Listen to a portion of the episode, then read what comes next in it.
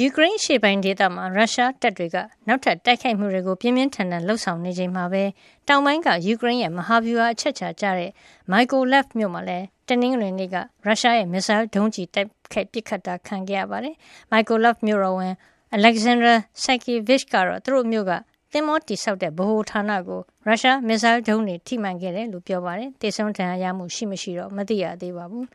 ရုရှားစစ်တပ်ကလည်းသူတို့ဟာရိုမေးနီးယားထိရောက်တဲ့ယူကရိန်းရဲ့ပင်လယ်နက်ကမ်းရိုးတန်းတစ်ခုလုံးကိုအဆက်အသွယ်ဖြတ်နိုင်မှုစ조사နေတယ်လို့ပြောပါတယ်။ရုရှားသိမ်းထားတဲ့ခရိုင်းမီးယားနဲ့ယူကရိန်းပင်မဆိပ်ကမ်းအိုဒက်ဆာကြားပင်လယ်နက်ကမ်းရိုးတန်းနာကမိုက်ကိုလပ်ကိုငါးလကြာနေပြီဖြစ်တဲ့စစ်ပွဲအစောပိုင်းမှာရုရှားတို့သိမ်းဖို့စ조사မှုကိုယူကရိန်းတပ်တွေကတိုက်ထုတ်နိုင်ခဲ့တာဖြစ်ပါတယ်။အဲ့ဒီအချိန်ကလေးကဒီမျိုးကိုရောအိုဒက်ဆာကိုပါရုရှားကမစ်ဇိုင်းဒုံးတွေနဲ့ပုံမှန်ပစ်ခတ်နေတာဖြစ်ပါတယ်။တောင်ပိုင်းကခါဆန်မာရီယိုပို ဇက်ပိုဖိုးစီယန်မြို့တွေကြား ရုရှားက တပ်သားတွေရော စစ်ပစ္စည်းတွေပါ ရွှေ့ပြောင်းနေတယ်လို့